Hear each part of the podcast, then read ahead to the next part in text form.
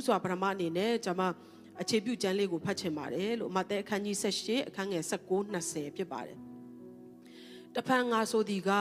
မြေကြီးပေါ်မှာသင်တို့တွင်နှစ်ယောက်တို့သည်သဘောချင်းတူ၍ဆုတောင်းလျင်တောင်းသမျှသောဆုတို့ကို ကောင်းကင်ဘုံ၌ရှိတော်မူသောငါဤခမည်းတော်သည် ပေးတော်မူလက်တံအကြောင်းမူကားအကျင့်ရ၌လူနှစ်ဦးသုံးဦးတို့သည်ငါ၏နာမကိုထောက်၍စည်းဝေးကြ၏ ထိုအရ၌သူတို့အလယ်မှာငါရှိသည်ဟုမိန့်တော်မူ၏ဟာလေလုယာဖတ်သွားတဲ့နှုတ်ကပတ်တော်အဖြစ်အရောက်စီတိုင်းကိုဘုရားကောင်းချီးပေးပါစေဘတ်တဲ့အခါမှာနော်တောင်းသမျှကိုပေးမယ်တဲ့ဘယ်အချိန်မှလဲဆိုတော့သဘောချင်းတူ၍ဆုတောင်းလင်းတဲ့နော်ဆိုတော့ဒီစကလုံးလေးကိုကျွန်မကဒီနေ့အတွက်ယူဆောင်လာတာဖြစ်ပါတယ်သဘောချင်းတူ၍နော်ကျွန်တော်တို့ရဲ့သဘောတူခြင်းကအာဖျားနှစ်သက်သောအရာဖြစ်တယ်တကိုးလည်းရှိတယ်ကောင်းကြီးလည်းရှိတယ်ဒါကြောင့်ကျွန်မ ခါတိုင်းအများတန်းပြောသလိုပဲဝိညာဉ်ရေးဟာမှာခီးမိဖို့အရင်ရေးကြီးတယ်နော်ဝိညာဉ်ရေးဟာမှာကျွန်တော်တို့သူ့ရဲ့ဖခင်ရဲ့ခီးကိုမိသွားပြီဆိုရင်လေစာတန်လိန်လေသမျှအကုန်လုံးကပြောင်းပြန်ဖြစ်သွားတယ်နော်စာတန်မှုတ်ထားတဲ့အရာစာတန်ဝက်ထားတဲ့အရာတွေကပေါ်လာပြီးတော့ကျွန်တော်တို့အတွက်ကောင်းခြင်းမင်္ဂလာကနော်ဘသူကမှဟိုမောင်မိုက်ထဲမှာဝက်ထားလို့မရတော့ဘဲနဲ့ကျွန်တော်တို့ဥစ္စာဖြစ်လာတယ် ဆိုတော့ဝိညာဉ်ခီးကအထူးဆန်းကြီးမဟုတ်ဘူးเนาะဒါကြောင့်ဒီနေ့သေချာနားထောင်ရအောင်ဒီနေ့သင်ဝိညာဉ်ခီးမိတယ်ဆိုရင်သင်တောင်းသမျှကိုရမယ်အချိန်ကယခုချိန်ဖြစ်ပါတယ်လို့သဘောတူခြင်းဆိုတာကဘုရားခင်နှစ်သက်သောအရာဖြစ်တယ် ကျမတို့ကတောင်းသမျှရမယ်ဆိုတာတိတ်သဘောကျတယ်နော်အာတောင်းသမျှရမယ်နှစ်တောင်းသမျှရမယ်လအာမင်ထူးပြီးတော့တိမ်ပိုက်ကြတယ်ဒါပေမဲ့ဘယ်အချိန်မှလဲလို့ဒီကျမ်းစာကိုကျမတို့အခြေပြုပြီးတော့ကြည့်တဲ့အခါမှာသဘောချင်းတူ၍ဆုတောင်းလျင်တဲ့နော်ဆိုတော့သဘောတူခြင်းဒီဖခင်ရဲ့နိယာမဖခင်ရဲ့နှလုံးသားဖခင်ရဲ့အဖြစ်တော်ဖခင်သဘောကျသောအရာဖခင်နှစ်သက်သောအရာဖြစ်တယ်ဆိုတာကိုဥစွာပထမနားလည်ဖို့ရအတွက်သိပြီးတော့အရေးကြီးပါတယ် သဘောတူခြင်းကနော်ဘယ်လောက်ထိအရေးကြီးတယ်လဲဆိုတော့ကျွန်မဟိုတလောကလည်းနည်းနည်းတော့ပြောဖြစ်တယ်ဒါပေမဲ့အနှဲငယ်ဒီဟာကိုအကျယ်ချဲ့ပြီးပြောချင်တယ်လူကိုဖះကစပြီးတော့ဖန်ဆင်းတဲ့အခါမှာကဘာဦးကျန်းခန်းကြီး1အခန်းငယ်26မှာငါတို့ပုံတရံနဲ့အညီတတရံတဲ့လူကိုဖန်ဆင်းကြဆိုတဲ့နော်ငါတို့လို့ပြောတဲ့အတွက်ကျမတို့ရဲ့ဖះသည်ခမည်းတော်သားတော်တန်ရှင်တော်ဝိညာဉ်တော်တည်းဟူသောသုံးပါးပေါင်းတစုဖះဖြစ်ပါတယ်ပုဂ္ဂိုလ်အနေနဲ့၃ပါးဖြစ်တယ်ဒါပေမဲ့သူတို့ဒီသဘောတူတယ် တထက်တဲကြတယ်စီးလုံးတယ်ညီညွတ်တယ်နော်လုံးဝခွဲခြားလို့မရအောင်သူတို့ဒီတလုံးတဝဖြစ်သောကြောင့်သုံးပါးပေါင်းတစုဖရာလို့ကျွန်တော်တို့ကပြောရတာဖြစ်တယ်ဆိုတော့ငါတို့ပုံတရံနဲ့ညီတတရံတဲ့လူကိုဖန်ဆင်းရအောင်လို့ပြောလာတဲ့အခါမှာအဲ့ဒီ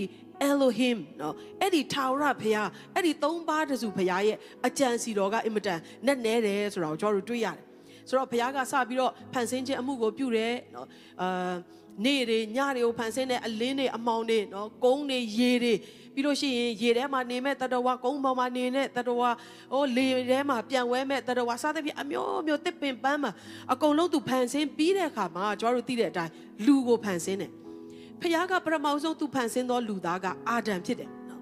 အာဒံကိုဖန်ဆင်းပြီးသွားတဲ့အခါမှာ ဖခင်ကသူဖန်ဆင်းသမျှနေ့တိုင်းနေ့တိုင်းကောင်းတယ်ကောင်းတယ်ကောင်းတယ်လို့ပြောပေမဲ့ဒီနေရာမှာထူးဆန်းတဲ့အရာတစ်ခုကဘာဖြစ်လာလဲဆိုတော့ကပ္ပဦးချမ်းခန်းကြီးနှစ်အခန်းငယ်18ကိုရောက်လာတဲ့အခါမှာထာဝရရှင်ဘုရားသခင်ကလည်းယောက်ျားသည်တယောက်တည်းမနေကောင်းတဲ့သူနဲ့တော်သောအထောက်အမကိုသူ့ဖို့ငါလှုပ်အောင်မီဟုအကြံရှိတော်မူ၏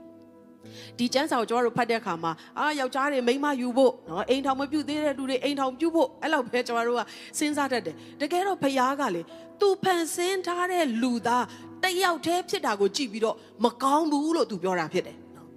ဆိုတော့ဖခင်ကကျွန်တော်တို့ကိုနော်တယောက်တည်းနေပြီးတော့ တယောက်တည်းပဲဘသူနဲ့မှလည်းသဘောမတူဘူးဘသူမှလည်းဘသူနဲ့မှလည်းမိတ္တာရမဖွဲ့ဘူးဘသူနဲ့မှလည်းကျမတို့သဘောထားချင်းမတိုက်ဆိုင်ပဲနဲ့တီးခြားကြီးဖြစ်နေဖို့ဖခင်ကကျမတို့ကိုဖန်ဆင်းထားတာမဟုတ်ဘူးဆိုတာကိုနားလည်ရပါတယ်နော်အင်္ဂလိပ်ကျမ်းစာထဲမှာဗာပြောလဲဆို it is not good for the man to be alone နော်တယောက်တည်းရှိခြင်းဟာမကောင်းဘူးတဲ့နော်ဆိုတော့ဖခင်ကဟို လူမိန်းမကိုဖန်ဆင်းတယ်ဖန်ဆင်းတဲ့အခါမှာကျမတို့အားလုံးသိပြီးသားပါအာရန်ကိုကြီးသောအိတ်ချင်းနဲ့အိတ်ခိုင်းတယ်သူ့ရဲ့နံရိုးကိုထုတ်ပြီးတော့မှလူမိန်းမကိုဖန်ဆင်းတယ်တီးချားမဟုတ်ဘူးနော်ဒီလူယောက်ျားရဲ့အထဲကနေလူမိန်းမကိုဖန်ဆင်းတယ်ဆိုတော့ဒီလူနှစ်ယောက်ဟာရှင်မသေးထဲမှာပြောထားတဲ့အတိုင်းပဲနှစ်ယောက်မဟုတ်ဘူးတဲ့တသားတကိုယ်တည်းဖြစ်တယ်တဲ့နော်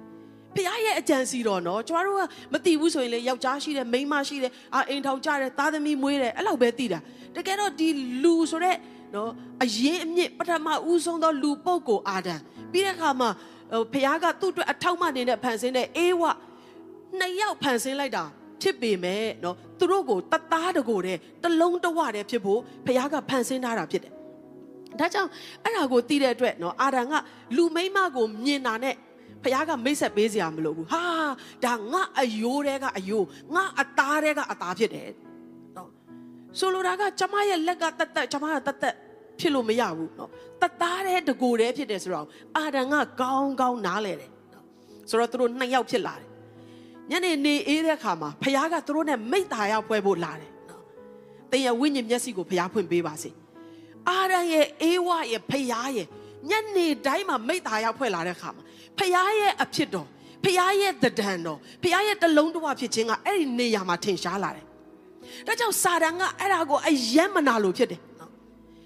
အာဒံတယောက်တည်းရှိတော့ကစာတန်ကဂယုတော်မဆိုင်ဘူးနော်အာဒံကိုဖခင်ကကဲမင်းဒီတရိษံတွေကိုနာမင်ပေးစမ်းဆိုတော့ तू ကနာမင်တွေပေးတဲ့ဒါကိုကြားလို့ခေါ်မယ်ဒါကိုအာခွေးလို့ခေါ်မယ်ဒါကိုယုံလို့ခေါ်မယ် तू နာမင်ပေးတယ်အေးဆေးပဲစာတန်ကဂယုမဆိုင်ဘူးဒါပေမဲ့အာဒံအထဲကနေအေးဝထွက်လာတယ်အာရန်ရဲ့အေဝါရဲ့ဖျားရဲ့ မိတ္တာရဖွဲ့လာတဲ့ခါမှာသဘောတူလာတဲ့ခါမှာပေါင်းပေါ်လာတဲ့ခါမှာအဲ့ဒါကိုစာတန်ကနော်လုံးဝတိမခံနိုင်ဘူးသူကဖြိုခွဲဖို့ရန်အတွက်စတင်ပြီးတော့အလုံးလုံးလာတယ်ဒီနေ့ဖျားကကျမကိုဒီနှုတ်ကပတ်တော်ကိုပြောခိုင်းတဲ့ခါမှာကျမတို့ရဲ့အသင်းတော်ကျမတို့ရဲ့မိသားစုတွေထဲမှာကွဲပြားခြင်းတွေကိုဒီနှုတ်ကပတ်တော်အပြင်ဖျားကမောင်းထုတ်မှာဖြစ်တယ်ဟာလေလုယာဟာလေလုယာကွဲပြားခြင်းကစာတန်စီကလာတယ်သဘောတူခြင်းညီညွတ်ခြင်းကဖခင်ရဲ့နှလုံးသားဖြစ်တယ်နော် ဘလောက်ထိဖခင်ရဲ့အဖြစ်တော်ဖခင်ရဲ့ပုံသဏ္ဍာန်နဲ့ညီနော်ကျမတို့ကိုဖန်ဆင်းထားတယ်ဆိုတာကထင်ရှားတယ်လဲဆိုတော့အာဒံကငါအယိုးတဲကအယိုးငါအသားတဲကအသားဖြစ်တယ်အာသိပ်ပျော်ကြတယ်သူတို့ဒီအဝတ်မဝတ်ပဲနဲ့တဲ့တယောက်နဲ့တယောက်ရှက်စရာအကြောင်းမရှိဘူးတဲ့အဲ့လောက်ထိသူတို့တစ်ထပ်တည်းဖြစ်တယ်ဒီအချိန်မှာနော်စာတန်ကဘလို့အလုံးလုံးလဲဆိုတော့တယောက်နဲ့တယောက်ကျွားတို့ကဲ့ရဲ့ကြတယ်လက်ညှိုးထိုးကြတယ်ကွဲပြားကြတယ်အဲ့ဒါကစာတန်ရဲ့ဝိညာဉ်ဖြစ်တယ်နော်ယနေ့နားလည်နိုင်ဖို့ဘုရားကောင်းကြီးပေးပါစေဆိုတော့ စာတန်ကလာပြီးတော့သွေးဆောင်တဲ့ခါမှာအတူနဲ့ပြောမယ်ဆိုလို့ရှိရင်ဖခင်ကမစားနဲ့ဆိုတော့စကားကိုနားမထောင်တော့ဘဲနဲ့စာတန်ကစားပါစားရင်မင်းတို့အတွက်ကောင်းမယ်ဆိုတဲ့စကားကိုသူတို့နားထောင်လိုက်တဲ့အခါမှာတနည်းအားဖြင့်ဖျားနဲ့သဘောတူနေရာကနေစာတန်နဲ့သဘောတူတော်သူဖြစ်သွားတဲ့ခါမှာပျက်စီးခြင်းကစပြီးတော့ရောက်လာတယ်။အပြစ်တရားကလူတွေရဲ့အထဲမှာနေရာယူလာတယ်။ အဲ့ဒီအရာကဘလောက်ထိကြောက်စရာကောင်းတယ်လဲဆိုတော့နော်ကျမတို့ကအပြစ်အပြစ်အပြစ်အဲ့လောက်ပဲသိတာတကယ်တော့မဟုတ်ဘူး။အဲ့ဒီအပြစ်ကကျမတို့ကိုဖျားနဲ့ကွဲကွာစေတယ်။အဲ့ဒီအပြစ်ကကျမတို့လူလူချင်းကိုခွဲခွာခြင်းကွဲပြားခြင်းကိုစပြီးတော့နေရာယူလာတယ် ဖခင်ကလူမိမကိုခေါ်လာတဲ့ခါမှာတဲ့ဒီမှာနော်မင်းကအိတ်ခိုင်းတယ်နော်နံရုပ်ကိုထုတ်တယ်နော်ဖခင်မပြောပါဘူးမမိတ်ဆက်ပေးပါဘူးအာဒံကချက်ချင်းဟာငါအယိုးတဲကအယိုးငါအသားတဲကအသားငါနဲ့တလုံးတော့ဖြစ်တော်သူပါလားလို့ तू နားလဲပေမဲ့သူတို့သဘောတူတာကဖခင်နဲ့မဟုတ်တော့ဘဲနဲ့စာတန်နဲ့သွားပြီးတော့သဘောတူတဲ့ခါမှာအာဒံရဲ့စကားကပြောင်းသွားပြီအေးဝါရဲ့စကားကပြောင်းသွားပြီမွေเจ้าနဲ့ဂျပါကဒီလိုလှုပ်သွားတာဖြစ်တယ်ဒီလိုဖះစကားနားမထောင်ဖြစ်တာဒီအသီးကိုစားမိတာဖြစ်တယ် အာရန်ကဘာပြောလဲခုနတော့ငါအယိုးတွေကအယိုးငါအသားတွေကအသားအခုကျတော့ကိုတော်ပေးတဲ့မိန်းမကြောင့်နော်ဖျားတဲ့သဘောမတူတော့တဲ့အချိန်မှာစာရန်နဲ့သဘောတူလိုက်တဲ့အချိန်မှာကျမတို့ရဲ့အထဲမှာရှိတဲ့ဖျားရဲ့ဖြစ်ခြင်းဖျားရဲ့တဒံတော်နဲ့ညီဖန်ဆင်းထားတဲ့ဖျားနဲ့သဘောတူလို့ရတဲ့ဝိညာဉ်ကအဲ့ဒီအချိန်မှာကွဲပြားသောဝိညာဉ်နဲ့အစားထိုးပြီးတော့နေရာယူလာတယ်ဖျားနဲ့ကျမတို့ကင်းကွာသွားတယ်ရံဘက်ဖြစ်သွားတယ်ပေါင်းဖော်လို့မရဘူး ဒါကြောင့်ဒီနေ့ယေရှုခရစ်တော်ဘုရားကနော်ကျွန်မအရင်တော့ကလည်းတခါတော့ပြောဘူးတယ်မိတ်ဆွေကြားဘူးမလားတော့မသိဘူးဘယ်နေရာမှာအရင်တော့ HIC မှာပြောတာလားတော့မသိဘူးเนาะဒါပေမဲ့ဒီနေရာမှာထပ်ပြောချင်တယ်ဖခင်ကကျွန်မတို့အတွက်သူ့ရဲ့သားတော်ကိုစေလွတ်ပြီးတော့ယေရှုကလက်ဝါးကားတိုင်းပေါ်မှာအသေးခံတဲ့အခါမှာကျွန်မတို့ကိုတိတ်ပျော်စရာကောင်းတဲ့ကောင်းကင်ကိုခေါ်ဖို့အတွက်လောက်မဟုတ်ဘူးနော်ဖခင်နဲ့ပြန်လဲမိတ္တာရဖွဲ့ဖို့အတွက်ဖြစ်တယ်ဟာလေလုယာ ကောင်းတယ်ဆိုတာဖျားနဲ့ကျမတို့နဲ့အတူမရှိဘူးဆိုရင်ပျော်စရာကောင်းချင်မှကောင်းမှာပါတေချာတာကတော့ဖျားနဲ့အတူရံဘက်ဖြစ်တဲ့နေရာကနေပြန်လဲတင့်မြတ်ခြင်းပြန်လဲပေါင်းဖော်လို့ရတဲ့ပြန်လဲသဘောတူခွင့်ရှိတဲ့အရာကအင်မတန်မှကြီးမားတဲ့ကောင်းကြီးဖြစ်လို့ယေရှုကသူ့ရဲ့အသက်နဲ့လဲလှယ်ပြီးကျမတို့ကိုပေးခဲ့တာဖြစ်တယ်ထို့ဘုရားရဲ့နာမတာ၍ဘုန်းကြီးပါစေ ဟာလေလုယာဟာလေလုယာဒါကြောင့်တလုံးတဝဖြစ်ခြင်းသဘောတူခြင်းဆိုတာတိတ်အရေးကြီးတယ်လို့ဝိညာဉ်တော်ကကျွန်တော်တို့ကိုယနေ့စကားပြောနေတာဖြစ်ပါတယ်လူလူချင်းသဘောတူတာလည်းတိတ်ကောင်းတယ်နော်အာစူးစမ်းပြီးတော့အာဥပမာဘောလုံးကြိုက်တဲ့လူချင်းချင်းသဘောတူတယ်နော်အာဒိုမိုလို့ရှရင်လဲတခြားအစားအစာတစ်ခုခုကြိုက်တဲ့အတွက်အဲ့ဒီကဏ္ဍမှာသဘောတူတယ်သိကောင်းပါတယ်ဒါပေမဲ့နော်လူလူချင်းသဘောတူတာလောက်ကတော့ကျမတို့ကိုအဆုံးမှာကွဲပြားခြင်းကိုပေးအောင်မှာဖြစ်တယ် ဒါပေမဲ့ကျမတို့သဘောတူရမှာကထာဝရဖျား၌သဘောတူရမှာဖြစ်တယ်ဒါကြောင့်ခုနဖတ်သွားတဲ့ကျမ်းစာထဲမှာဗာပြောလဲငါနာမကိုထောက်၍စီးဝေးတယ်ဆိုရင်တဲ့အဲ့ဒီလူနှစ်ဦးသုံးဦးစီးဝေးခြင်းအလယ်မှာငါကိုယ်တိုင်ရှိမယ်တဲ့ဟာလေလုယာတင်တဲ့နော်တင်ဇနီးတဲ့တင်ခင်မွန်းတဲ့တော့မတင်သားသမီးသဘောတူပြီးပေါင်းဖော်လာတဲ့အခါမှာအဲ့ဒီနေရာမှာဖခင်ကရောက်လာတာဖြစ်တယ် အဲ့လိုဒီသဘောတူခြင်းကိုဘုရားကနှစ်သက်တာဖြစ်တယ်။ဒါကြောင့်ငါတို့ပုံတရံနဲ့ညီတတရံတဲ့လူကိုဖန်ဆင်းမယ်လို့ကြွေးကြော်ပြီးလှုပ်ဆောင်တဲ့ဘုရားကကျွန်တော်တို့ကိုးကွယ်တော်ဘုရားဖြစ်ပါတယ်။အာမင်။ဒါကြောင့်အစမှပြောသလိုပဲသဘောတူခြင်းကဘုရားရဲ့အဖြစ်တော်ဖြစ်တယ်။ကွဲပြားခြင်းကစာတန်ရဲ့လှုပ်ဆောင်ချက်ဖြစ်တယ်။တယောက်နဲ့တယောက်သဘောတူခြင်းညီညွတ်ခြင်းကဘုရားရဲ့နှလုံးသားဖြစ်တယ်။ကွဲပြားခြင်းကစာတန်ရဲ့လှုပ်ဆောင်ချက်ဖြစ်တယ်။ထိုအရာကိုနားလည်ဖို့သိရေးကြီးပါတယ်နော်။ ဒါကြောင့်ဒီနေ့မှာအဲ့ဒီခီးကိုမိတယ်ဆိုရင်သင်ရဲ့အသက်တာသင်ရဲ့မိသားစုမှာစာတန်ဝတ်ထားတဲ့ကောင်းကြီးတွေပေါ်လာတော့မှာဖြစ်တယ်ဟာလေလုယာဆိုတော့ကျွန်တော်တို့ပတ်ဝန်းကျင်ကိုကြည့်လိုက်တဲ့အခါမှာအခုဒီခေတ်ကာလနောက်ပိုင်းမှာဆိုရင်တေချာလေ့လာပြီးတော့ research လုပ်တဲ့လူတွေရဲ့သုံးသပ်ချက်တွေကိုကျွန်တော်တို့ Google တွေမှာရှာကြည့်ပါလင်မယားကွဲတဲ့နှုံးကအင်မတန်များတယ် သားသမီးတွေကိုမိန်းမတယောက်တည်းကပြုစုတာယောက်ျားတယောက်တည်းကပြုစုတာ single mother single father ဆိုတာဒီခေတ်မှာတိတ်ပြီးတော့ခေတ်စားလာတယ်နော်အဲ့ဒီနောက်ွယ်မှာအကြောင်းရင်းတော့တစ်ခုခုတော့ရှိပါလိမ့်မယ်သူကဘလို့ဖြစ်လို့ငါကဘလို့ဖြစ်လို့သူမိသားစုငါမိသားစုစီးပွားရေးကျမ်းမာရေးဆိုတာရှိကောင်းရှိနိုင်တယ်ဒါပေမဲ့အရင်ကိုကြည့်မယ်ဆိုရင်ကွဲပြားခြင်းဝိညာဉ်နဲ့စာတန်ကကြီးမားစွာအလုံးလုံးသောကာလဖြစ်တယ်ဆိုတာကိုကျွန်တော်တို့နားလည်ရတယ်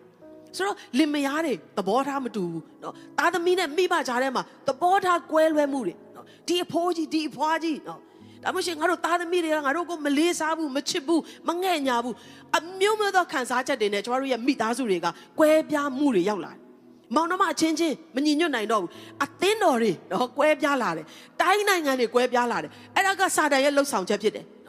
ဒီနေ့လူအနေနဲ့ကြည့်ရင်တော့ကျမကဘာမှမဟုတ်တဲ့သူတယောက်ကဒီအရာကိုပြောတယ်ဆိုရင်တော့နော်တိတ်ကြီးလွန်းတယ်လို့ထင်စရာရှိပေမဲ့ဖခင်ကကျမရဲ့အသက်တာထဲမှာဘိတ်သိက်ပေးထားတဲ့ဖခင်ရဲ့အမှုတော်ဆောင်ဖြစ်တယ်ကျမကယုံကြည်သူဖြစ်တဲ့ဒီနေရာကနေယေရှုနာမနဲ့ဝင်ခံတယ်ကွဲပြားခြင်းတွေအားလုံးနေရာမှာဖခင်ရဲ့နှလုံးသားဖခင်ရဲ့ညီညွတ်ခြင်းသဘောတူခြင်းတွေပြန်လဲနေရာယူဖို့ယေရှုနာမနဲ့ဝင်ခံပါတယ်ဟာလေလုယာလင်မယားကွဲတဲ့ကွဲကွာခြင်းတွေနော်အိမ်ထောင်ကွဲတယ် ဒီနေ့သင်ရဲ့သက်တာမှာကွဲခံနီးဖြစ်တယ်ဆိုရင်ဒီနေ့ယေရှုနာမနဲ့ဝင်ခံတယ်သင်ကိုဖခင်လက်တွဲပေးထားတဲ့အိမ်ထောင်ဘဲဟာသင်အတွက်အကောင်းဆုံးဖြစ်တယ်ကွဲကွာခြင်းကိုယေရှုနာမနဲ့မောင်းထုတ်ပါတယ်ဟာလေလုယာထို့တူပဲအိမ်ထောင်ထဲမှာမိသားစုထဲမှာသင်သားသမီးတွေကနော် ကိုတော့ကတော့အဆင်ပြေတယ်ကိုသားသမီးလက်ထက်ကျတော့ကြည်ရတာတို့အိမ်ထောင်ရေးသိအဆင်မပြေဘူးတော့မို့ကိုကအိမ်ထောင်ကွဲထားတယ်ငါသားသမီးတွေလက်ထက်ကျရင်ဒီဟာကြီးကဆက်သွားမလားလို့သင်စိုးရိမ်နေတယ်ဆိုရင်ဒီနေ့ယုံကြည်ပါယေရှုနာမနဲ့ကျွန်တော်တို့ဖြတ်တောက်တယ်ဟာလေလုယာဖခင်ရဲ့ဝိညာဉ်တည်းဟူသောသဘောတူခြင်းပေါင်းဖော်ခြင်းတလုံးတဝဖြစ်ခြင်းကယနေ့သင်နဲ့သမိသားစုမှာပြန်လည်ပြီးတော့နေရာယူလာမှာဖြစ်တယ်တရားကအရန်ရေးကြီးတယ်နော်စာရန်က ဖျားဖန်ဆင်းသမျှသောအရာတွေထဲမှာအင်မတန်မှပါနတ်တော်သူဖြစ်တယ်လို့ကျမ်းစာမှာမှတ်တမ်းတင်ထားတယ်။စာရန်ကဘလောက်လဲလဲဆိုတော့လေလင်မယားကြားထဲမှာမိသားစုကြားထဲမှာတယောက်နဲ့တယောက်ကောင်းချီးပေးမဲ့အစားကွဲပြားမှုတွေဖြစ်လာတဲ့ခါမှာအဲ့ဒီကွဲပြားတဲ့နှလုံးသားကွဲပြားတဲ့ဝိညာဉ်ကိုတည့်ရဲ့မိသားစုထဲမှာ तू ကထဲလိုက်နိုင်ပြီဆိုရင်လေစာရန်ကဘာမှဆက်လုပ်စရာမလိုတော့အသားလေး तू ကလက်ပိုက်ပြီးကြည့်ယုံမယ် ကွဲပြားတဲ့ဝိညာဉ်ကပို့ပို့ပြီးတော့အလုံးလုံးလာတယ်ပို့ပို့ပြီးတော့ထင်ရှားလာတယ်ပို့ပို့ပြီးတော့နေရာရလာတယ်နောက်ဆုံးမှမိသားစုတွေနစ်နဲ့ချီပြီးစကားမျိုးပြောတဲ့သူတွေတောင်ရှိတယ်ဒီနေ့စာတန်ကိုလက်ပတ်ရတော့ခွင့်ကျွန်တော်တို့မပေးပါဘူးဟာလေလုယာဟာလေလုယာတင်တဲ့တင်မိသားစုကိုစာတန်ဟာငါတော့ကွဲပြားတဲ့ဝိညာဉ်လေးကိုထည့်ပေးလိုက်ပြီငါအตาလေးစောင့်ကြည့်လိုက်အောင်မယ်နော် ဒီကောင်းလေးတယောက်နဲ့တယောက်ရံဖြစ်ကြလိမ့်မယ်နော်အမုန်းပွားကြလိမ့်မယ်ကောင်းကြီးပေးခြင်းစကားတဲ့ကြိမ်ချက်ကြိမ်ဆဲခြင်းစကားတွေထွက်လာပြီဆိုပြီးတော့စာတန်ကလက်ကလေးပိုက်ပြီးတော့ကြည်နေမှာဖြစ်တယ်ဒီနေ့မြင်ရအောင်ရအောင်နော်အဲ့ဒီစာတန်ကိုကျမတို့နာဖို့နာတတ်ဖို့လိုအပ်တယ်နော်သူရဲ့လှုပ်ဆောင်ချက်တွေကိုကျမတို့ဖော်ထုတ်ပြီးတော့နော်မောင်းထုတ်ဖို့သိရေးကြီးတယ်ဟာလေလုယာဆိုတော့တခါတလေကြလို့ရှိရင်ကျမကြီးတဲ့အခါမှာနော်စာတန်ကကျမတို့ကိုကွဲပြားအောင်လှုပ်ဆောင်တဲ့အရာတွေကလေ အထူးဆန်းကြီးတွေသိမဟုတ်တတ်ဘူးမိသားစုထဲမှာလင်မယားတွေကြားထဲမှာကျမတို့သဘောထားကွဲပြားစေတဲ့အရာကလေတကယ်တမ်းနားလည်ပြီးအပြင်စီးဝိုင်းအပြင်ကိုနည်းနည်းလောက်ထွက်ပြီးတော့နော်အာလင်မယားတခါတည်းဟိုတယောက်ကလည်းပြောတယောက်ကလည်းပြောသူမှန်နဲ့ငါမှန်နဲ့လုံနေမဲ့စားခဏလေးအဲ့ဒီအဲ့ဒီပြဿနာရဲ့အပြင်ကိုထွက်ပြီးတော့ကြည့်လိုက်တယ်ဆိုရင်လေသဘောတူလိုက်ရင်ရမဲ့ကောင်းကြီးနဲ့စာရင်ဒီနေ့ကျမတို့သဘောထားကွဲလွဲစေတဲ့အရာကတိတ်တိတ်လေးပဲဖြစ်တယ်နော် စာရန်ကမှန်ဘလူးတက်ပေးလိုက်လို့တာစာရန်ကကျမတို့ကိုလှည့်စားလိုက်လို့တာကျမတို့ကအကြီးကြီးလို့ထင်ပြီးတော့အဲ့ဒီအရာအတွက်ကျမတို့ကမိသားစုထဲမှာတိုက်ပွဲတွေဖြစ်နေတာနော်အသင်းတော်တွေထဲမှာတိုက်ပွဲတွေဖြစ်နေတာယနေ့ကျမတို့နားလည်ရအောင်နော်ကျမတခါလဲလူငယ်အစည်းအဝေးမှာပြောသလိုပေါ့နော်တခါတလေမှလေကျမတို့မျက်စိရှေ့မှာရှိတဲ့အရာကတိတ်တိတ်လေးပဲဒါပေမဲ့တအားနီးတဲ့ခါမှာကြီးမားသောအရာတွေကိုမမြင်တော့ဖို့ကြီးမားသောမြင်ကွင်းကိုပိတ်ဖို့အကြောင်းဖြစ်သွားတယ် ကျောင်းစားတဲ့သဘောထားကွဲလွဲခြင်းသူ့ရဲ့ spirit လေးကိုကျမတို့ရဲ့အမြင်မှာကျမတို့ရဲ့နှလုံးသားမှာကျမတို့ခံစားချက်မှာလာထည့်ပေးလိုက်တဲ့အခါမှာမိသားစုထဲမှာဖခင်ရဲ့ကြီးမားတဲ့အကြံစီတော်မိသားစုအတွက်ဖခင်ပေးမဲ့ကြီးမားတဲ့ကောင်းကြီးပျော်ရွှင်ခြင်းတွေတာယာခြင်းတွေကိုကျမတို့လက်လွတ်သွားတတ်တယ်ဒီနေ့သင်ရဲ့မိသားစုအတွက်စာတန်ရဲ့လက်ခွက်တွေအားလုံးပေါ်လာတဲ့နေ့ဖြစ်ဖို့ဖခင်ကောင်းကြီးပေးပါစေကျမ်းစာကဘာပြောလဲဆိုတော့အချင်းချင်းအသင့်အတစ်နေခြင်းကိုမိအောင်လိုက်ပါတဲ့နော် အသင့်တင်နေခြင်းကတော့သူဖြစ်လာခြင်းမှဖြစ်လာမယ်ဒါပေမဲ့ကျမတို့လိုက်ဖို့လိုတယ်မိတဲ့ဒီလိုက်ဖို့လိုတယ်လှုပ်ဆောင်ဖို့လိုတယ်နော်ငါငါငါနေမယ်နော်တော့သူလာပြေလဲပါစေမဟုတ်ပဲတဲ့ဒီနေ့နှုတ်ကပတ်တော်နားလဲဆိုအချင်းချင်းအသင့်တင်နေခြင်းအမှုကိုငါလိုက်မယ်နော်သူပြေးရင်အမြန်ပြေးရင်ငါအမြန်လိုက်မယ်နော်မမီမချင်းလိုက်မယ်ဆိုပြီးတော့ကျမတို့ဆုံးဖြတ်တယ်ဆိုရင်တော့အဲ့ဒီညီညွတ်ခြင်းမိတ္တာရဖွဲ့ခြင်းပေါင်းစည်းခြင်းကောင်းကြီးကကျမတို့စီကိုရောက်လာမှာဖြစ်တယ်ဘုရားကဘယ်လောက်ထိပြောလဲဆိုတော့ မင်းတို့ကတဲ့ဆုတောင်းဖို့ဗိမာန်တော်ကိုလာပြီးတော့အာစကလုံးအလားပါတွေနဲ့အာကြီးမားသောຢာတွေကိုတောင်းတယ်ဒါပေမဲ့အိမ်မှာတဲ့တင်းရဲ့ညီအကိုနဲ့ရံဖြစ်လာတယ်ဆိုရင်မတင်မတင်ရှိတယ်ဆိုရင်တဲ့ဆုမတောင်းတဲ့အောင်တဲ့အိမ်ကိုပြန်သွားတဲ့တင်းရဲ့ညီအကိုနဲ့ပြန်လဲပြီးတော့တောင်းပန်ဆရာရှိတာတောင်းပန်ပြန်လဲပြီးတော့ညီညွတ်ခြင်းနော်သဘောတူခြင်းကိုယူပြီးမှပြန်လာတောင်းပါတဲ့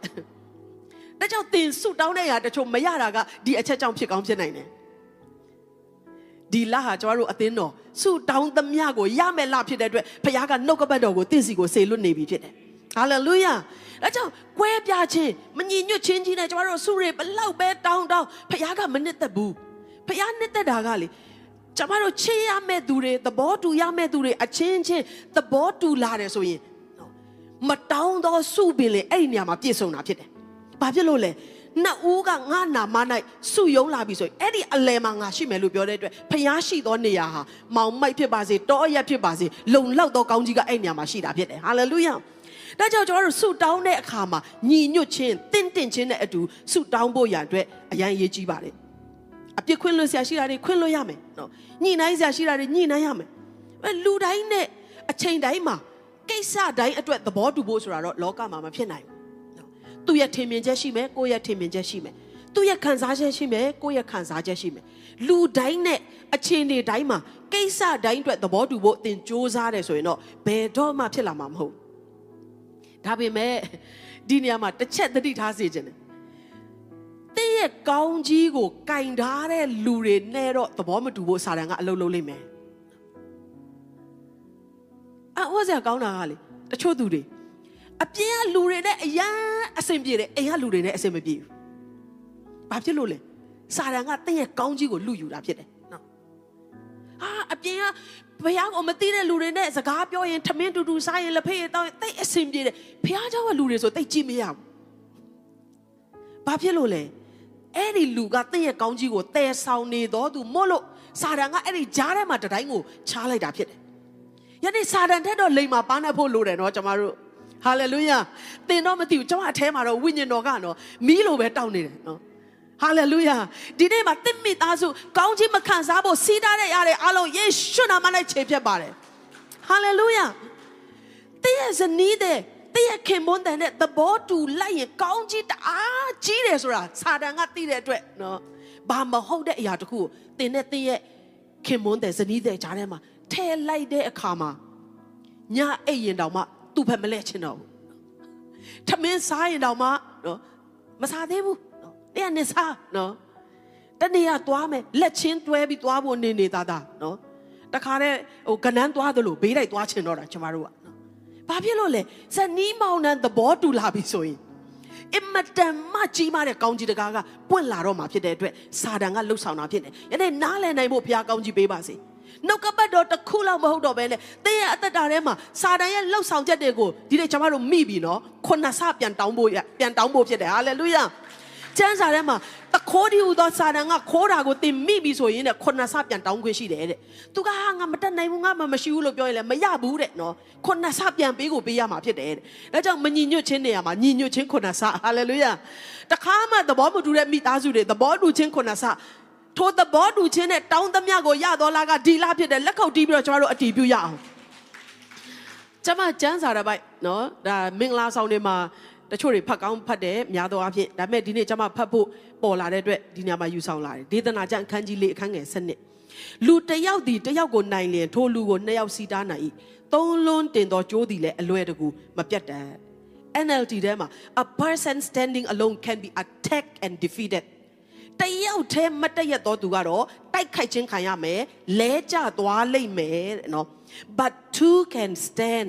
back to back and conquer နှစ်ယောက်ဖြစ်လာတဲ့ခါမှာတော့တဲ့ကြောချင်းကပ်ပြီးတော့အသက်ရှင်လာတဲ့ခါမှာတဲ့ရန်သူကိုနိုင်လိမ့်မယ်ဟာလေလုယာဘာကိုဆိုလိုတယ်လဲဆိုတော့တင်းရဲ့အားနေခြင်းဖက်မှာယက်တီပေးမဲ့တင်းရဲ့အားနေတဲ့နေရာကိုအကာအကွယ်နေနဲ့ ပေးမဲ့လူတယောက်တင်းရဲ့အသက်တာထဲမှာရှိတယ်ဆိုရင်တော့တဲ့တင်းဟာရန်သူကိုနိုင်တော်သူဖြစ်လိမ့်မယ်နှစ်ယောက်တည်းမဟုတ်တော့ဘဲနဲ့ထာဝရဘုရားပါပါလာတယ်သုံးလုံးတင်သောကြိုးဖြစ်တယ်ဆိုရင်တော့တဲ့နော်လွန်းတင်သုံးလွန်းတင်သောကြိုးဆိုတဲ့အတိတ်ပဲကကြက်ဆံမီးလို့ကြစ်ထားတာနော်အဲ့ဒီလိုမျိုးကြစ်ထားတဲ့သုံးပါးတစုနော်ဖရားရဲ့ဖြစ်ချင်းနော်တင်တဲ့သဘောတူသော တင်းရဲ့မိသားစုဝင်တင်းရဲ့ဇနီးတဲ့တင်းရဲ့ခင်မွန်းတဲ့ထာဝရဘုရားပူးပေါင်းလာပြီဆိုရင်တော့ဘယ်တော့မှပြတ်တော့မှာမဟုတ်ဘူးဟာလေလုယာဆိုတော့ကျွန်မအဲ့ဒီအဖြစ်ပြက်နဲ့ပတ်သက်ပြီးတော့ကျမ်းစာထဲမှာအင်မတန်ခွန်အားရတဲ့အရာတစ်ခုရှိတယ်အဲ့ဒါကယောနသန်အကြောင်းဖြစ်တယ်ယောနသန်ဆိုတာကရှောလူရဲ့သားဖြစ်တယ်เนาะကျွန်တော်တို့သိပါတယ်ဒါဝိဒ်ရဲ့ချစ်ဆုံးတငယ်ချင်းဆိုတော့ရှောလူမှာကသူ့မှာစစ်သားအင်အား600လောက်ရှိတယ်ရန်သူဖိလိတိတွေကလာပြီဆိုတော့အဲ့ဒီအချိန်မှာတိုက်ဖို့ရန်အတွက်ဖြစ်လာတဲ့ခါမှာယောနသန်ကအောစရာကောင်းတာကလေ ဒီအယေဖျားလေးချင်းမခံတဲ့လူတွေကငါတို့ကိုလာလာတိုက်တာဒီတခါတော့ငါသွားပြီးတော့ချမယ်တဲ့နော်ရှောလူလည်းမသိဘူးရှောလူရဲ့စစ်သား600လည်းမသိဘူးသူနဲ့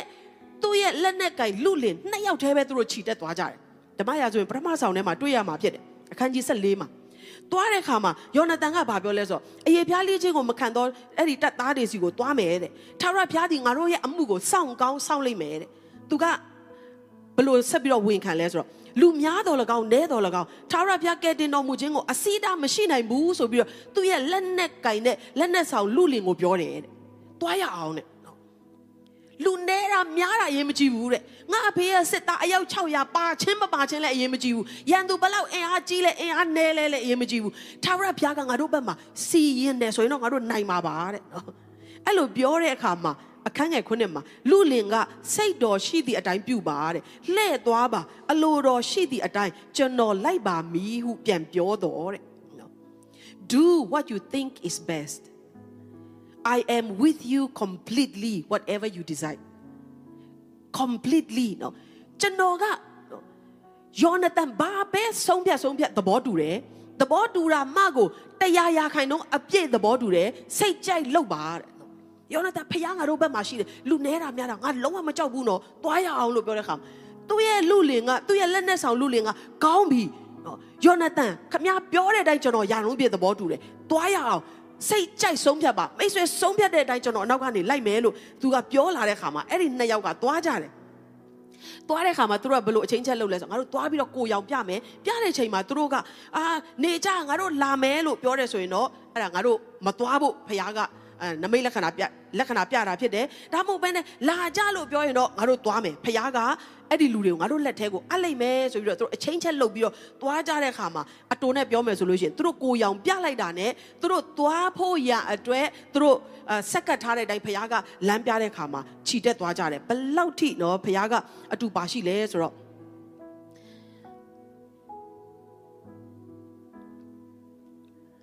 ယောနသန်ကငါနောက်သို့လိုက်လော့ထာဝရဘုရားသည်သူတို့ကိုဣသေလလူတို့လက်သို့အပ်တော်မူပြီဟုလူလင်အားဆိုသဖြင့်လေးဘက်တွားလျက်တက်၍နော်ကုန်းပေါ်ကိုသူတို့လေးဘက်ထောက်ကလေးတက်သွားတယ်လူလင်လဲလိုက်ဤယောနသန်ရှေ့မှာဖိလိတိလူတို့သည်လဲ၍လူလင်သည်သူ့သခင်နောက်မှာလောက်ကြံလေ၏ဒါက back to back ဒါကကြောချင်းကပ်ပြီးတော့တိုက်ခိုက်ခြင်းရဲ့ကောင်းခြင်းမင်္ဂလာဖြစ်တယ်နော်ယောနသန်ကအရှိကနေပြီးတော့သူကဖိလိတိလူတွေကို တိုက်ခိုက်တယ်ဖခင်ကသူတို့ကိုဆုံးရှုံးရတော့အခွင့်ကိုပေးတယ်ဖိလိတိလူတွေကလဲကြကြတယ်ဒါမဲ့တော့မြင်အောင်ကြည့်ပါဓာတ်ကင်ထားတယ်ဒီမှာဒိုင်းလွားတွေပါရင်ပါမယ်အရှိမပဲအကွယ်ကာကရှိတယ်ယောနသန်ရဲ့အနောက်မှာကအကွယ်ကာမရှိဘူးသူ့ရဲ့အားနေခြင်းကသူ့ရဲ့နောက်ကျောဖြစ်တယ်ဒါပေမဲ့ဒီနေရာမှာသူတို့ဘာကြောင့်နိုင်တယ်လဲဆိုတော့အဲ့ဒီသူခေါ်လာတဲ့လူလေသူနဲ့ယာနှုံးပြည့်သဘောတူတယ်ဆိုတဲ့ပုံကိုကယောနသန်ရဲ့နောက်ကျောကနေပြီးတော့သူက ရန်သူကိုတိုက်ခိုက်တဲ့အခါမှာလှုပ်ကြံတဲ့အခါမှာဘလောက်ထိ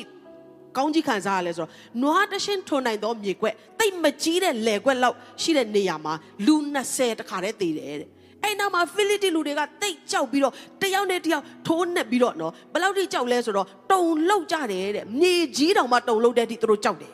နှစ်ယောက်ထဲနော်ဘာကြောင့်အဲ့လောက်ထိ ရန်သူကိုကြောက်လန့်စေနိုင်တယ်လဲဘာကြောင့်အဲ့လောက်ထိသူတို့အောင်မြင်တယ်လဲဆိုတော့အဲ့ဒီနှစ်ယောက်ကသဘောတူတယ်အဲ့ဒီနှစ်ယောက်ကကြောချင်းကပ်ပြီးတော့ရန်သူကိုရင်ဆိုင်လို့ဖြစ်တယ်နားလည်နိုင်ဖို့ဘုရားကောင်းကြီးပေးပါစေတခါတရံမှာကျွန်တော်တို့အရှိကနေကြော်တက်ခြင်းတယ်နော်ကိုယ့်ရဲ့သင်းအောင်ဆရာရှိကတော့မဟုတ်ကိုယ့်ရဲ့ခင်မွန်းတဲ့ရှိကကိုယ်ဇနီးတဲ့သားသမီးရှိက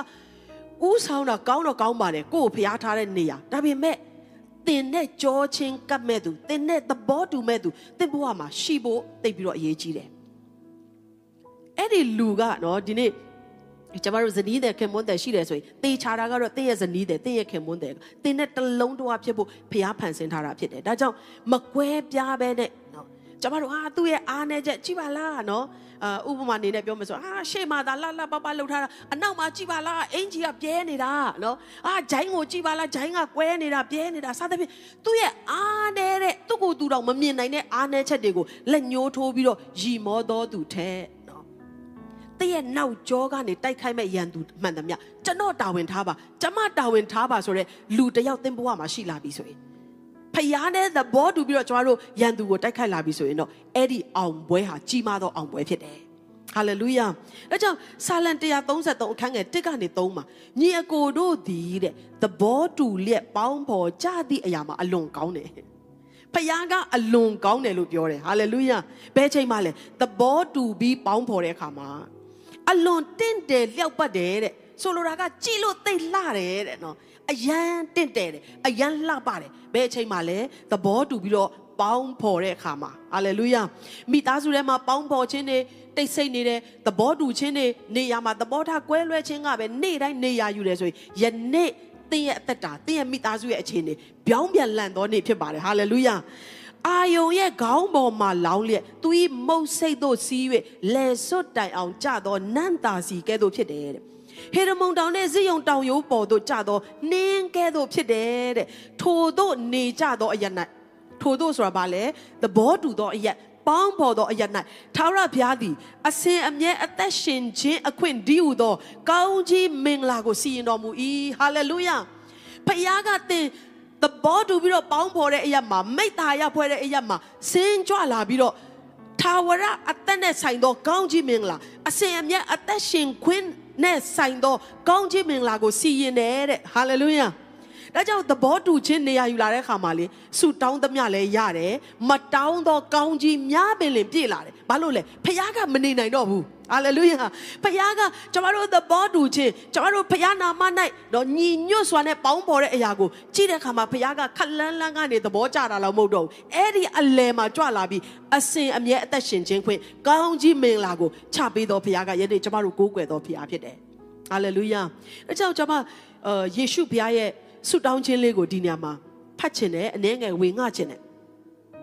ယေရှုကနောက်ဆုံးသူ့ရဲ့အသက်တာဒီအမှုတော်ဆောင်ခြင်းဟိုအသေးခံခြင်းပြန်လဲရှင်ပြန်ထမြောက်ခြင်းဒီလောကမှာလူစားတိဖြစ်ကိုခံယူတဲ့ကာလအဆုံးပိုင်းရောက်လာတဲ့ခါမှာသူကဆုတောင်းတယ်နော်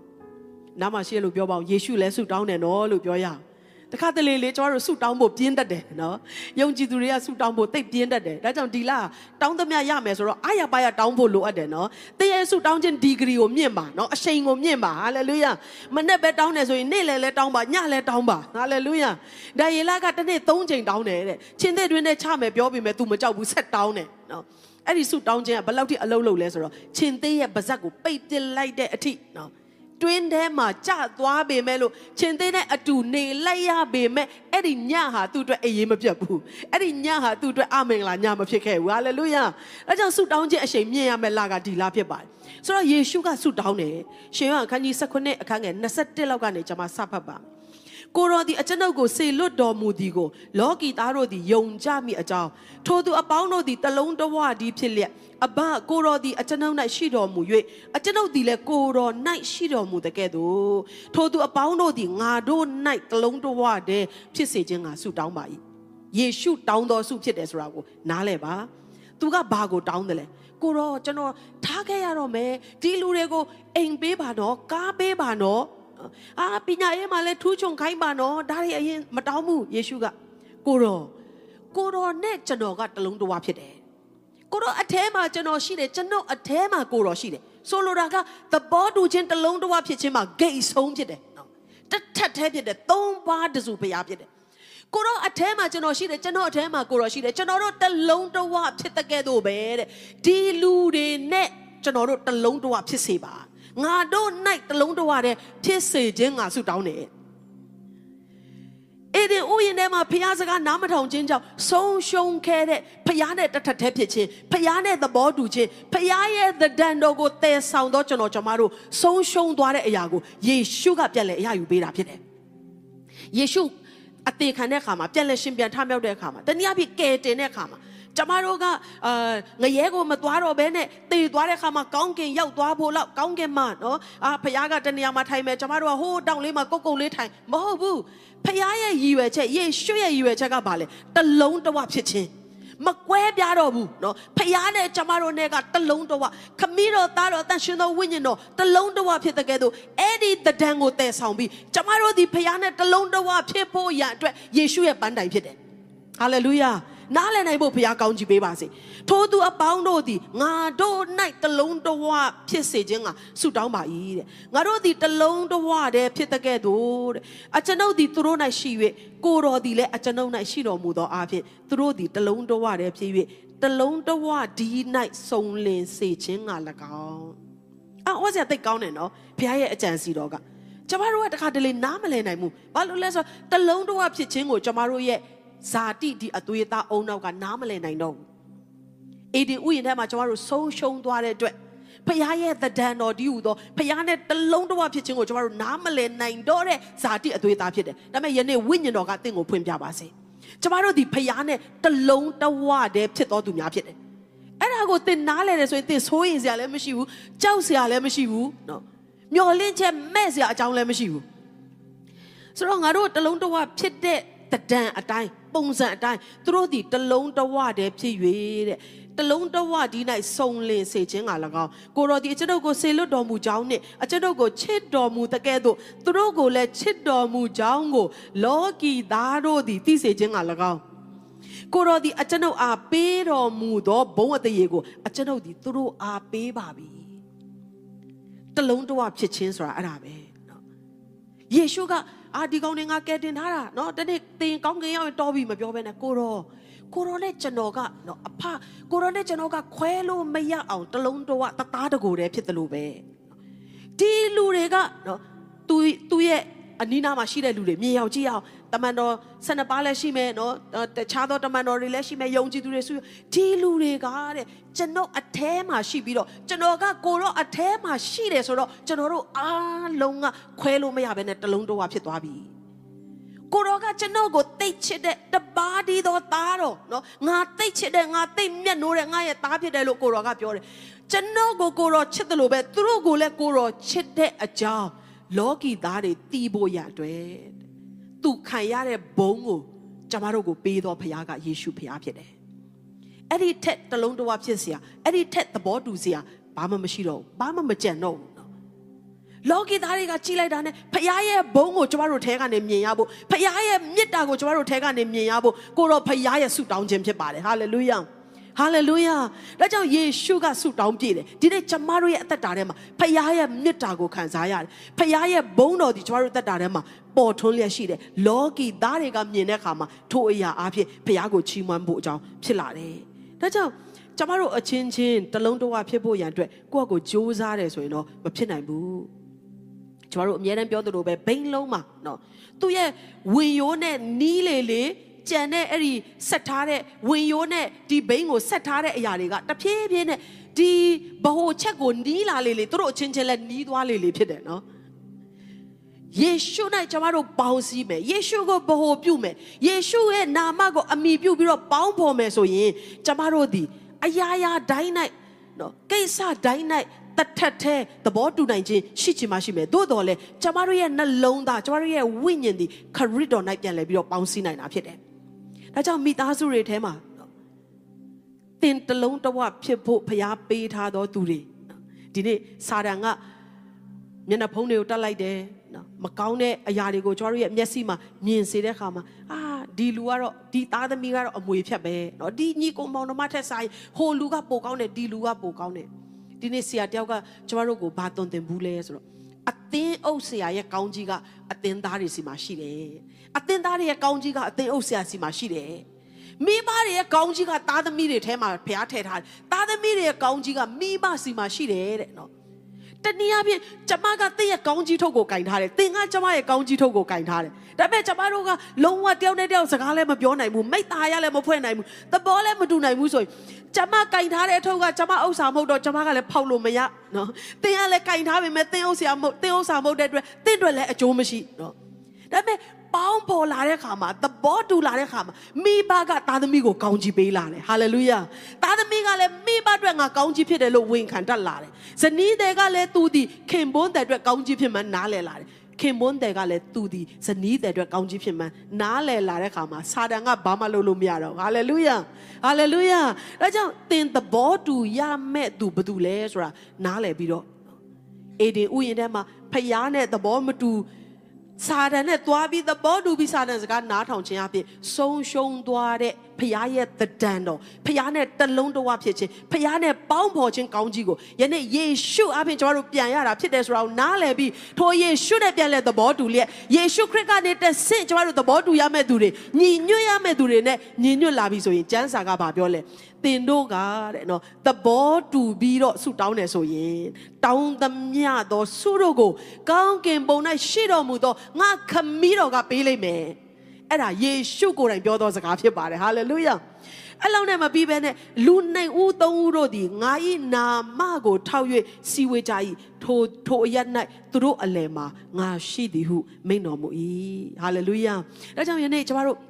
အာဟိုဟာဆိုလဲကိုတိတိမတိတိသဘောတူလိုက်တယ်ဒီဟာဆိုလဲတော့ကိုမဘာမှဟိုထင်မြင်ယူဆချက်မရှိတော့ဘဲနဲ့ဒီတိုင်းပဲသဘောတူလိုက်တယ်ဆိုတဲ့ပုံစံမျိုးမဟုတ်ဘဲနဲ့အ ਨੇ ဆုံးကျတို့ဘာအောင်နားလဲရမလဲဆို ကွဲပြားခြင်းဟာစာတန်ရဲ့ဝိညာဉ်ဖြစ်တယ်။ပေါင်းဖော်ခြင်းသဘောတူခြင်းကဖခင်ရဲ့ဝိညာဉ်ဖြစ်သောကြောင့်ငါသည်ဖခင်ရဲ့မျိုးစေ့နဲ့ပုတ်ဖွားသောသူဖြစ်သောကြောင့်နံပါတ်1ငါဟာဖခင်နဲ့သဘောတူသောသူဖြစ်တယ်။ဟာလေလုယာ။ခံစားချက်နဲ့သဘောမတူဘူး။အခြေအနေနဲ့သဘောမတူဘူး။ယံသူနဲ့သဘောမတူဘူး။စာတန်ရဲ့လိမ်လည်ခြင်းနဲ့ငါသဘောမတူဘူး။ငါဟာဖခင်နဲ့သဘောတူသောသူဖြစ်တယ်။ဟာလေလုယာ။အဲ့ဒီသဘောတူခြင်းကဘာနဲ့သွားပြီးတော့ထင်ရှားရမလဲဆိုတော့မစားနဲ့ဆိုတဲ့အသီးကို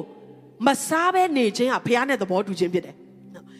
မစားနဲ့ဆိုတဲ့အသီးကလေးတကယ်တော့စားလိုက်ရင်ပိုကောင်းတယ်ဆိုတဲ့စာတန်ရဲ့စကားကိုသဘောတူပြီးစားလိုက်တဲ့အပြုတ်မှုဟာစာတန်နဲ့သဘောတူခြင်းဖြစ်တယ်။ဒါကြောင့်သင်ဖျားနဲ့သဘောတူရဲဆိုရင်သင်ရဲ့လှုပ်ဆောင်မှုတွေမှာထင်ရှားလာမှာဖြစ်တယ်။သင်ရဲ့အသက်ရှင်ခြင်းပုံစံမှာထင်ရှားလာမှာဖြစ်တယ်။ဖျားစကားနားထောင်ခြင်းအပြင်ကျမတို့ကဖျားနဲ့သဘောတူရမှာဖြစ်တယ်။ပြီးရင်ဖျားကိုဗဟိုပြုလျက်ကျမတို့သဘောတူရမဲ့သူတွေကျမတို့မှာရှိတယ်။တလောကလုံးနဲ့မဟုတ်သည့်တိုင်အောင် မိသားစုဖြစ်တဲ့ဖြစ်တယ်ဆိုရင်ကိုယ့်ရဲ့ဇနီးတဲ့နဲ့ကိုယ့်ရဲ့ခင်ပွန်းတဲ့နဲ့ကိုယ့်ရဲ့သားသမီးနဲ့ကိုယ့်ရဲ့မိဘနဲ့နော်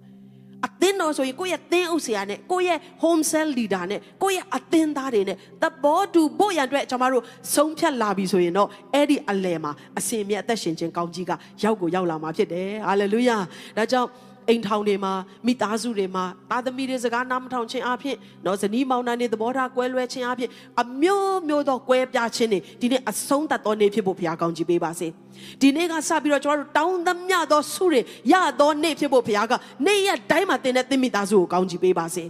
စာတန်ရဲ့ဖုံးအုပ်ထားတဲ့အရာကိုကျွန်တော်တို့လှန်လိုက်ပြီးဖြစ်တဲ့အတွက်စာတန်ကဘာမှလုပ်လို့မရတော့ဘူးဒီနေ့ဖခင်ရဲ့နှုတ်ကပတ်တော်ဖခင်ရဲ့ဝိညာဉ်ဖခင်ရဲ့နှလုံးသားဖခင်ရဲ့တလုံးတော်ဖြစ်ခြင်းက တင့်အပေါ်မှာတင့်တဲ့မိသားစုပေါ်မှာတက်ရောက်လာပြီးဖြစ်တယ်ယေရှုနာမ၌ဝန်ခံပါတယ်ကျွန်တော်တို့အသင်းတော်ယုံကြည်သူများသည်တယောက်နဲ့တယောက်ကြောချင်းကပ်လျက်ရန်သူကိုတိုက်ခိုက်မဲ့သူများဖြစ်တယ်ကျမတို့မိသားစုများသည်တယောက်နဲ့တယောက်ကြောချင်းကပ်လျက်ရန်သူကိုနှိမ်နင်းမဲ့သူများဖြစ်တယ် အဲ့ဒါငါမိသားစုဖြစ်တယ်လို့ဝန်ခံရအောင်အဲ့ဒါငါရဲ့အသက်တာဖြစ်တယ်အဲ့ဒါငါတို့အသင်းတော်ဖြစ်တယ်အဲ့ဒါငါတို့ home cell ဖြစ်တယ်အဲ့ဒါငါတို့ department ဖြစ်တယ်လို့ဝန်ခံရအောင် hallelujah တည့်ရဲ့ညီအကိုအားနေသောရောက်တွေ့ရဆိုရင်အဲ့ဒါလက်ညှိုးထိုးဖို့မဟုတ်ဘူးအဲ့ဒီကြောမှာနေရာယူဖို့ရန်အတွက်တင့်ကိုဘုရားကခံထားတာဖြစ်တယ် ဟာလေလုယာသင်အောင်ဆရာရဲ့အားနေသောအရာကိုသင်တွေ့ရဆိုရင်အဲ့ဒါလက်ညှိုးထိုးပြီးကဲ့ရဲ့ဖို့မဟုတ်ပဲနဲ့သင်ကအဲ့ဒီကြောမှာအဲ့ဒီပေါက်နေတဲ့နေရာမှာအဲ့ဒီဟာနေတဲ့နေရာငါတာဝန်ဖြစ်တယ်လို့သင်နေရာယူလာပြီဆိုရင်သင်ရဲ့ကောင်းကြီးလဲစုံလင်လာမှာဖြစ်တယ်ဟာလေလုယာအရောက်စီတိုင်းပေါ်မှာဘုရားကောင်းကြီးပေးပါစေခဏလောက်ရှိတဲ့နေရာမှာမတ်တရက်လျက်အသက်တာအသီးသီးကိုပြင်ဆင်ရအောင်ဒီနေ့နှုတ်ကပတ်တော်ဟာသွန်သင်ခြင်းပုံစံမျိုးပေါက်ခြင်းပေါက်နေလိမ့်မယ်သို့တော်လည်းယနေ့အတွက်ယခုအချိန်နာရီယခုကာလအတွက်အင်မတန်လိုအပ်တဲ့နှုတ်ကပတ်တော်ဖြစ်တယ်လို့ကျွန်မနားလည်ရတယ်ဒါကြောင့်သင်မိသားစုထဲမှာကွဲပြားခြင်းတွေရှိတယ်သားသမီးတွေကလုံးဝစကားနားမထောင်ဘူးတယောက်နဲ့တယောက်တောင်မိသားရဖွဲ့ခွင့်မရှိဘူးယခုကာလကနော်စာတန်းကဘလောက်ထိအလုပ်လုပ်လဲဆိုတော့တချို့သူတွေကျမသားနဲ့ကျမသမီးနဲ့စကားမပြောတာတပတ်ရှိပြီသူ့ကိုမတွေ့တော့မှမတွေ့ရဘူးလို့ပြောတဲ့မိခင်တွေတောင်မှရှိနေပြီဘလောက်ကြောက်စရာကောင်းလဲစာတရဲ့ဝိညာဉ်ကနောက်ဆုံးသောကာလမှာကြီးမားစွာအလုံးလုံးလဲရှိတယ်ဒါပေမဲ့ဒီနေ့ဂျေဇုတော်ချီးမွမ်းတာကနှုတ်ကပတ်တော်ရောက်လာပြီဖြစ်တယ်ဟာလေလုယာဖခင်ရဲ့ဝိညာဉ်ကကျမတို့အလယ်မှာအလုံးလုံးနေပြီဖြစ်တယ်အဲ့ဒီဝိညာဉ်ဒီပါလေကွဲပြားသောဝိညာဉ်ကိုနိုင်သောပေါင်းစည်းခြင်းသဘောတူခြင်းနှလုံးသွင်းဖြစ်ခြင်းဝိညာဉ်ကယနေ့လေထုထဲမှာစတင်ပြီးတော့အလုံးလုံးနေပြီဖြစ်တယ် ဟာလေလုယာသင်ခဏလောက်ရက်ပြီးတော့စဉ်းစားကြည့်လိုက်ပါသင်ကိုကွဲပြားစေတယ်သင်သိချေရမယ်သူ့ကိုချေရမယ်ဆိုတော့တည်ရတဲ့ကွဲပြားစေတဲ့အရာကလေတကယ်တမ်းအပြင်စီးဝိုင်းအပြင်ကိုထွက်ပြီးခဏလောက်စဉ်းစားကြည့်လိုက်ရင်အဲ့လောက်ထိကောင်းကြီးနဲ့လဲလဲရလောက်မဲ့အကြောင်းပြချက်မဟုတ်ပါဘူး ဒါကြောင့်စာတန်ကိုပြောလိုက်ပါစာတန်ငါတို့မိသားစုထဲမှာငါချေရတဲ့ယုံကြည်သူညီကိုမောင်တို့မတွေကြားထဲမှာအသင်းတော်ထဲမှာတိုင်းနိုင်ငံမှာမင်းထည့်ပေးတဲ့ကွဲပြားခြင်းကဟာတာပဲငါတို့လုံးဝလက်မခံတော့ဘူးငါတို့မယုံကြည်တော့ဘူးဘာလို့လဲငါတို့ဒီဖယားရဲ့ပုံသဏ္ဍာန်နဲ့ညီဖန်ဆင်းခြင်းကိုခံရတော်သူဖြစ်တယ်ငါတို့ဒီဖယားနဲ့သဘောတူတော်သူဖြစ်တယ်ငါတို့ဒီခရစ်တော်နဲ့တလုံးတော့ဖြစ်တော်သူများဖြစ်တယ်လို့သင်ပြန်လဲဝန်ခံကြွေးကြော်တယ်ဆိုရင်လိန်လေသောစာတန်ကသူလိန်လို့မရတော့ဘူးဆိုတာသိတဲ့အတွက်သင်အိမ်ကနေရတဲ့အပီးပိုင်ထွက်သွားတော့မှာဖြစ်တယ်ဟာလေလုယာဟာလေလုယာလက်ကုပ်ကြီးလက်ထိုးဘုရားကိုချီးမွမ်းကြရအောင်ဟာလေလုယာ